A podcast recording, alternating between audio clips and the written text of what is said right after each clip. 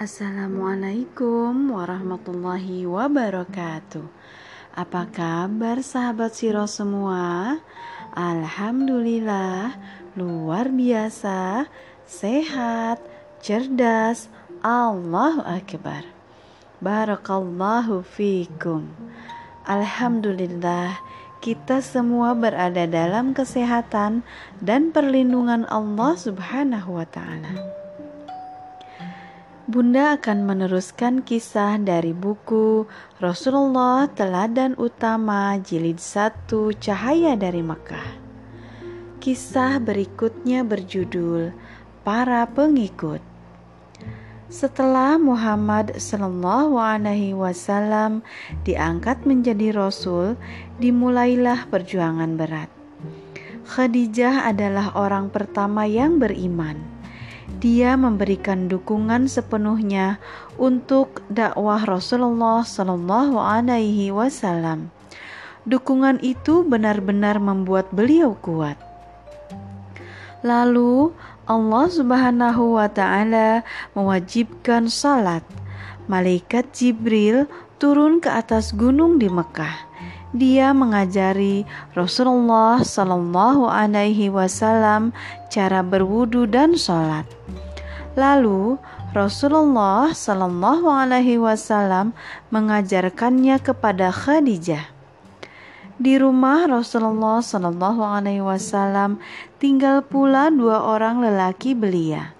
Yang pertama adalah sepupu Rasulullah Shallallahu Alaihi Wasallam yang bernama Ali bin Abi Thalib. Yang kedua adalah putra angkat Rasulullah Shallallahu Alaihi Wasallam yang bernama Zaid bin Harithah. Ali melihat Rasulullah Shallallahu Alaihi Wasallam mengajari Khadijah sholat. Dia pun penasaran. Setelah dijelaskan, dia langsung beriman. Usia Ali saat itu baru sekitar 10 tahun secara sembunyi-sembunyi Rasulullah Shallallahu Alaihi Wasallam dan Ali selalu pergi ke Syib untuk sholat. Hingga suatu hari Abu Talib memergoki mereka. Keponakanku, agama apa yang engkau anut? Paman, ini adalah agama Allah. Malaikatnya, Rasulnya, dan agama bapak kita Ibrahim. Jelas Rasulullah Shallallahu Alaihi Wasallam. Sungguh tidak mungkin bagiku meninggalkan agama leluhurku.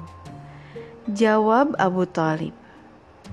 Namun demi Allah, tidak akan kubiarkan seorang pun berbuat jahat kepadamu selagi aku masih hidup. Sayang Abu Talib tidak mau beriman. Dia hanya mau membela dan melindungi Rasulullah Shallallahu Alaihi Wasallam. Sesudah itu, Zaid bin Harithah dan seluruh anak perempuan Rasulullah Shallallahu Alaihi Wasallam masuk Islam. Sementara itu, dua putra Rasulullah Shallallahu Alaihi Wasallam meninggal sebelum beliau diangkat menjadi rasul. Setelah itu, masuk Islam sahabat dekat Rasulullah Shallallahu Alaihi Wasallam, yaitu Abu Bakar bin Abi Kuhafah. Melalui Abu Bakar, tokoh-tokoh Quraisy lainnya masuk Islam. Mereka adalah Uthman bin Affan, Zubair bin Awam, Abdurrahman bin Auf, Sa'ad bin Abi Waqqas, dan Tolhah bin Ubaidillah. Lalu menyusul Abu Ubaidah bin Jarrah, Abu Salamah bin Abdul Asad, Arqam bin Abi Arqam, Utsman bin Maz'un dan saudaranya yang bernama Qudamah dan Abdullah. Masuk Islam pula Said bin Zaid dan istrinya yang bernama Fatimah binti Al-Khattab. Mereka berdua diajak oleh Ubaidah bin Al-Harith. Masuk Islam pula Asma binti Abu Bakar, Aisyah binti Abu Bakar dan Khabbab bin Al-Arat. Menyusul pula Umair bin Abi Waqqas, Abdullah bin Mas'ud, Mas'ud Al-Qari bin Rabi'ah, Salith bin Amr, dan saudaranya yang bernama Hatib. Selanjutnya, masuk Islam pula Ayyash bin Abu Rabi'ah dan istrinya yang bernama Asma binti Salamah, Khunais bin Huzafah, Amir bin Rabi'ah, serta Abdullah bin Jahs dan saudaranya yang bernama Abu Ahmad. Ja'far bin Abi Thalib dan istrinya yang bernama Asma binti Umais pun masuk Islam. Setelah itu menyusul Hatib bin Al-Harith Al-Jumahi dan istrinya yang bernama Fatimah binti Al-Mujalil. Saudara Hatib yang bernama Khattab bin Al-Harith dan istri Khattab yang bernama Fukaihah binti Yasar juga masuk Islam. Saudara Hatib yang bernama Ma'mar bin Al-Harith juga masuk Islam. Lalu masuk Islam juga As-Saib bin Uthman, Al-Muttalib bin Azhar, dan istrinya yang bernama Romlah binti Abu Auf, Nuaim bin Abdullah, Amir bin Fuhairah, mantan budak Abu Bakar pun menyusul. Masuk Islam pula Khalid bin Sa'id dan istrinya yang bernama Umaynah binti Khalaf, Hatib bin Amr, Abu Huzaifah bin Rabi'ah, Waqid bin Abdullah. Khalid, Amir, Akil, dan Iyas dari Bani Al-Bukair pun menyusul. Kemudian Ammar bin Yasir masuk Islam dan mengajak orang tuanya yang bernama Sumayyah dan Yasir Mantan tawanan dari Romawi yang bernama Suhaib bin Sinan pun masuk Islam. Begitu juga beberapa budak seperti Bilal bin Rabbah. Berlalulah tiga tahun dakwah Rasulullah Shallallahu Alaihi Wasallam secara sembunyi-sembunyi. Beliau membina umat Islam di rumah Arqam bin Abi Arqam Apakah dakwah akan berlangsung secara sembunyi-sembunyi selamanya? Kisah selanjutnya akan kita bahas di segmen berikutnya. Wassalamualaikum.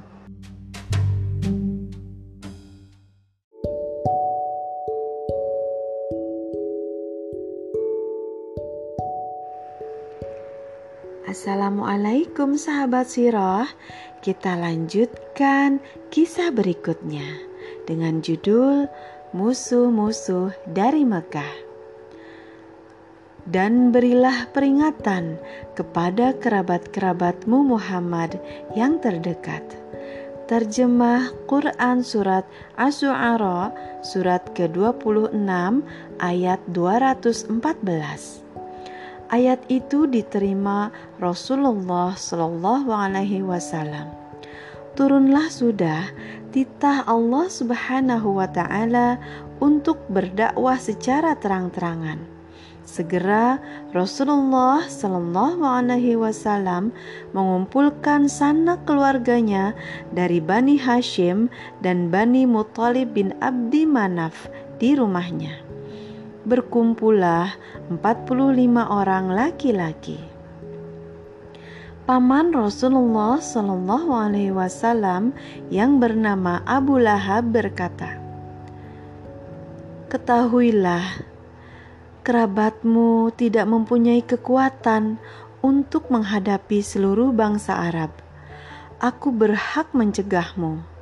Cukup bagimu perlindungan dari keluarga ayahmu jika kamu tetap berbuat seperti ini, mereka akan menyerangmu dan pasti akan dibantu oleh seluruh orang Arab.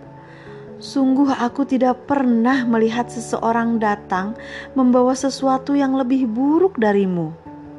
Saat itu, Rasulullah Shallallahu Alaihi Wasallam hanya diam hingga pertemuan usai. beliau hanya mendengar dan melihat sikap keluarganya. Tidak lama kemudian, beliau mengumpulkan mereka lagi. Kali ini, beliau berusaha menyampaikan dakwah Islam. Seorang utusan tidak akan membohongi keluarganya. Demi Allah, yang tidak ada ilah kecuali Dia, aku adalah Rasulullah, khususnya pada kalian dan seluruh manusia. Mulai terdengar gumam dan bisikan. Abu Talib menyahut cepat. Dengan senang hati, kami akan membantumu. Kami menerima nasihatmu. Kami pun mempercayai kata-katamu. Mereka yang berkumpul ini adalah keluarga ayahmu. Aku hanyalah salah seorang dari mereka. Hanya saja, aku adalah orang yang paling cepat menyambut keinginanmu. Jelaskan terus apa yang diperintahkan kepadamu Demi Allah, aku akan selalu melindungimu. Namun, aku tidak dapat meninggalkan agama Abdul Muthalib. Demi Allah, itu sikap yang sangat buruk. Cegahlah dia sebelum orang lain berbuat terhadap kalian. Sergah Abu Lahab. Demi Allah, dia akan kami bela selama kami masih hidup. Tegas Abu Talib. Rasulullah Shallallahu Alaihi Wasallam mulai berdakwah kepada banyak orang. Suatu hari, beliau berdiri di Bukit Sofa. Beliau berseru memanggil semua kabilah. Hai Bani Adi, Bani Fihir, hingga banyak orang berkumpul di sana. Seandainya kukatakan bahwa di lembah sana ada pasukan berkuda yang hendak menyerang, apa kalian percaya? Tanya Rasulullah Shallallahu Alaihi Wasallam. Ya, seru mereka. Kami tidak akan pernah mendapatimu berdusta Sungguh, aku adalah seorang pemberi peringatan kepada kalian dari siksa yang pedih. Ujar Rasulullah Shallallahu Alaihi Wasallam.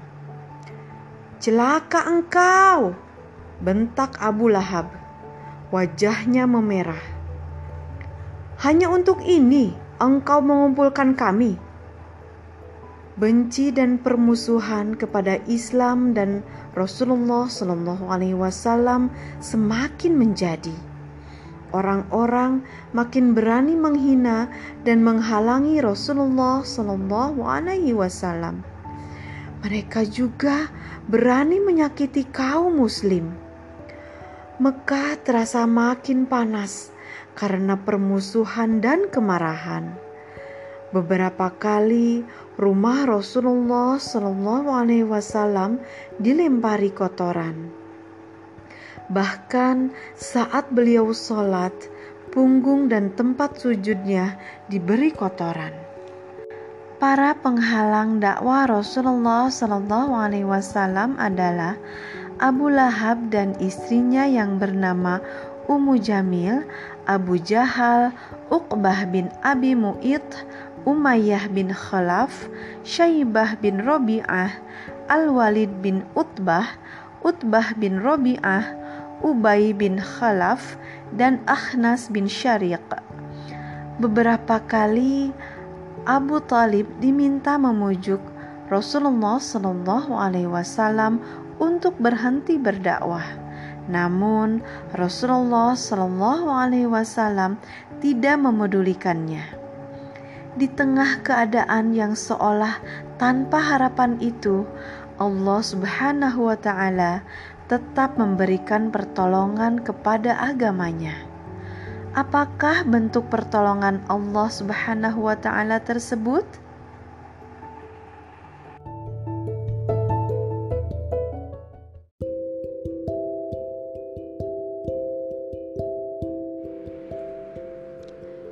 Habasyah dan Taif. atas perintah Allah Subhanahu wa taala, Rasulullah Shallallahu alaihi wasallam memerintahkan para sahabat untuk hijrah ke Habasyah. Rombongan pertama terdiri dari 12 laki-laki dan 4 perempuan. Peristiwa ini terjadi pada bulan Rajab tahun kelima kenabian. Rombongan itu dipimpin oleh Uthman bin Affan. Mereka naik kapal dagang dari pantai Suaibah menyeberangi Laut Merah. Pada waktu itu, musyrik Quraisy sudah sangat keterlaluan dalam menganiaya kaum muslim. Kepindahan ini bertujuan untuk mencari keamanan. Habasyah adalah sebuah negeri di ujung selatan benua Afrika. Waktu itu, negeri itu dipimpin oleh Ashhamah Najasyi, pemeluk Nasrani yang taat. Najasyi melindungi semua pemeluk agama di negerinya. Kaum muslim pergi dengan mengendap-endap pada malam hari. Mereka menumpang ke kapal dagang yang akan berlayar menuju Habasyah. Kaum Quraisy mengetahui rencana kepergian kaum muslim. Mereka segera melakukan pengejaran. Ketika kaum Quraisy sampai di tepi pantai, kapal yang ditumpangi kaum Muslim telah berlayar. Akhirnya, kaum Muslim dapat tiba di Habasyah dengan selamat. Di Habasyah, kaum Muslim mendapatkan pelayanan yang baik. Pada bulan Syawal tahun yang sama, mereka kembali ke Mekah. Mereka mendengar bahwa orang-orang Mekah telah masuk Islam Padahal berita tersebut tidak benar. Penganiayaan kepada kaum Muslim justru semakin parah. Lalu mereka berangkat kembali ke Habasyah. Jumlah kaum Muslim yang hijrah saat itu semakin banyak, yaitu terdiri dari 83 laki-laki dan 19 perempuan rombongan itu dipimpin oleh Ja'far bin Abi Thalib. Orang-orang Quraisy tidak diam saja. Mereka mengutus Amru bin Ash dan Abdullah bin Abi Robi'ah untuk menemui Najasyi. Kedua utusan itu membawa berbagai hadiah untuk membujuk Najasyi. Setelah menyerahkan hadiah, mereka menghasut raja. Baginda Raja yang mulia, kami datang memberi peringatan atas datangnya suatu rombongan kafilah ke negeri Habasyah. Mereka melarikan diri dari Mekah, membawa ajaran agama yang dibuat-buat. Najasyi tidak langsung percaya kepada ucapan kedua utusan itu. Kemudian Najasyi bertanya kepada juru bicara kaum muslim. Agama apakah yang kalian anut? Tanya Najasyi penasaran. Wahai baginda raja, dahulu kami adalah orang jahiliyah hingga datang seorang utusan Allah. Beliau dikenal asal keturunannya dan memiliki akhlak mulia. Kami diperintahkan untuk berbuat baik menghindari zina, dan beribadah kepada Allah Subhanahu wa Ta'ala. Di negeri asal, kami dihina dan disiksa akibat keimanan kami kepada Allah dan Rasul-Nya. Kami hijrah ke negeri Baginda agar mendapat keadilan dan perlindungan. Tutur Ja'far bin Abi Thalib dengan santun dan tenang. Dapatkah kalian tunjukkan sesuatu yang dibawa Allah? Tanya Najasyi semakin penasaran. Iya, jawab Ja'far. Lalu Ja'far membacakan surat Maryam dengan penuh penghayatan. Mendengar lantunan ayat suci, Najasyi menangis penuh haru.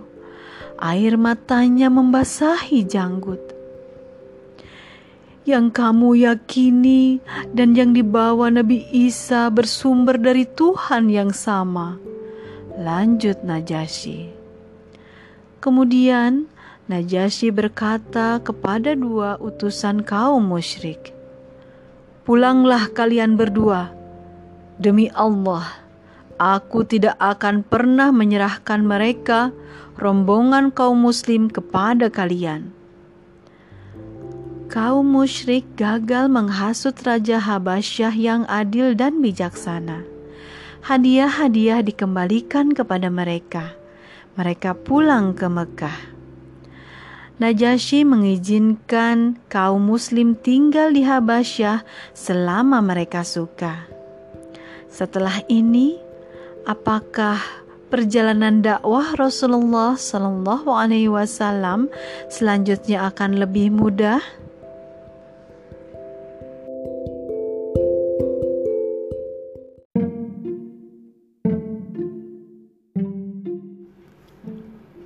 Assalamualaikum sahabat sirah.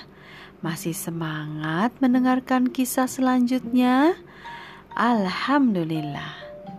Kisah ini berjudul Para Tokoh Pembela. Suatu hari Abu Jahal berjalan di Bukit Sofa. Beliau melihat Rasulullah Shallallahu Alaihi Wasallam seperti biasa, mulutnya tidak bisa diam. Dia menghina Rasulullah Shallallahu Alaihi Wasallam. Lalu dia menyakiti Rasulullah hingga kepala Rasulullah Shallallahu Alaihi Wasallam berdarah. Rasulullah Shallallahu Alaihi Wasallam tidak melawan. Beliau hanya diam, tidak mengatakan apa pun. Setelah melakukan itu tanpa rasa bersalah, Abu Jahal pergi. Lalu dia duduk bersama orang Quraisy di sisi Ka'bah. Paman Rasulullah Shallallahu Alaihi Wasallam yang bernama Hamzah bin Abdul Muthalib marah sekali kepada Abu Jahal yang telah menyakiti keponakannya. Sambil berlari, dia mencari Abu Jahal di Ka'bah. "Kamu berani menghina keponakanku? Ketahuilah, aku telah masuk agamanya." Ujar Hamzah menantang. Secepat kilat, Hamzah memukulkan busur panah ke Abu Jahal.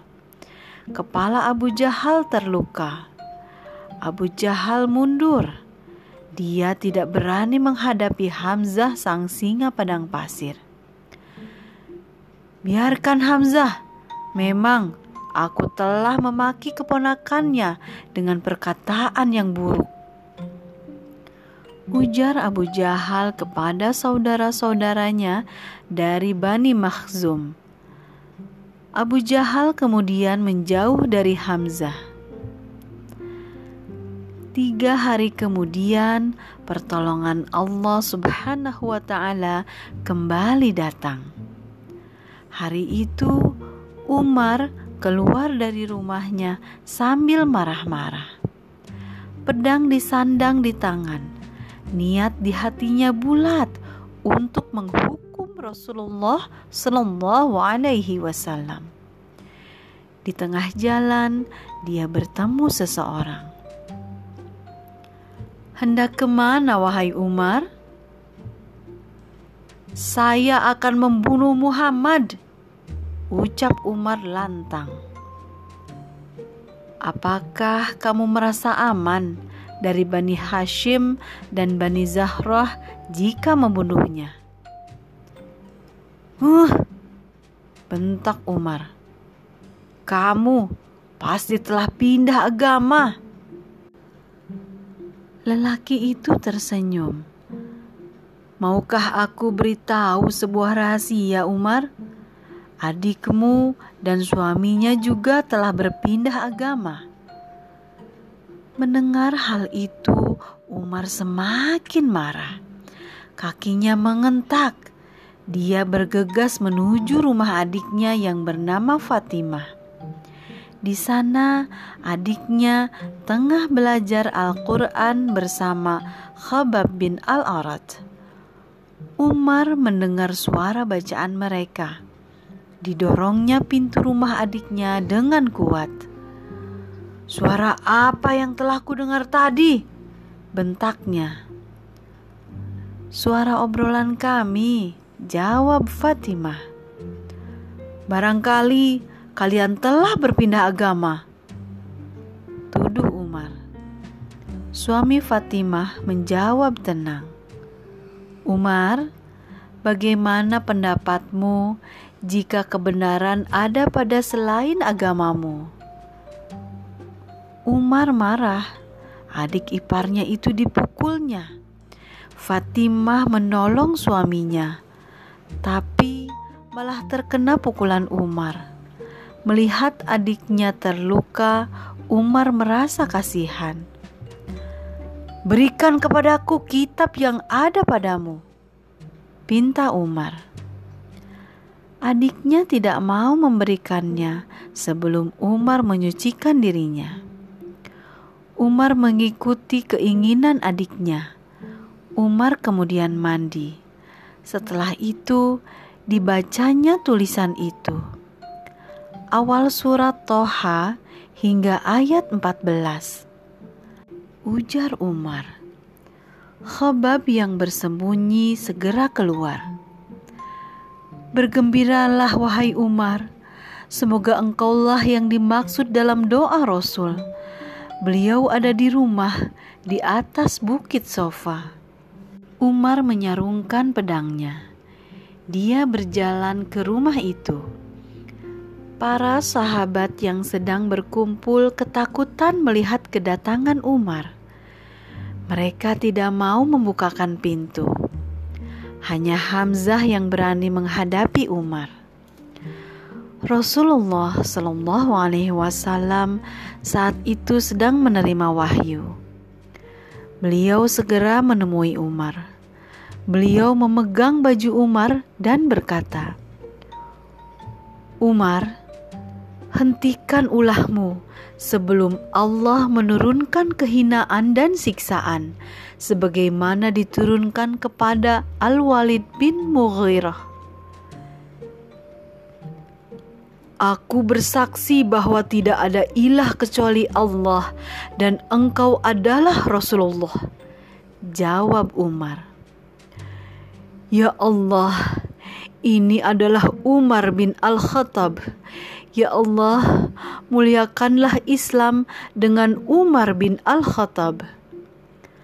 Takbir para sahabat di dalam ruangan itu bergema. Kemudian Umar berjalan dengan gagah ke Mekah. Ditemuinya Abu Jahal. Dikabarkannya berita keislamannya. Abu Jahal tidak berani melakukan apa pun Padahal biasanya dia akan menganiaya orang yang masuk Islam. Keislaman Hamzah sang singa padang pasir dan Umar bin Al-Khattab yang pemberani membawa ketakutan bagi kaum musyrik penyembah berhala. Apa yang akan dilakukan kaum musyrik selanjutnya? Kisah selengkapnya akan Bunda ceritakan di dalam podcast selanjutnya. Ditunggu ya. Sampai jumpa. Wassalamualaikum.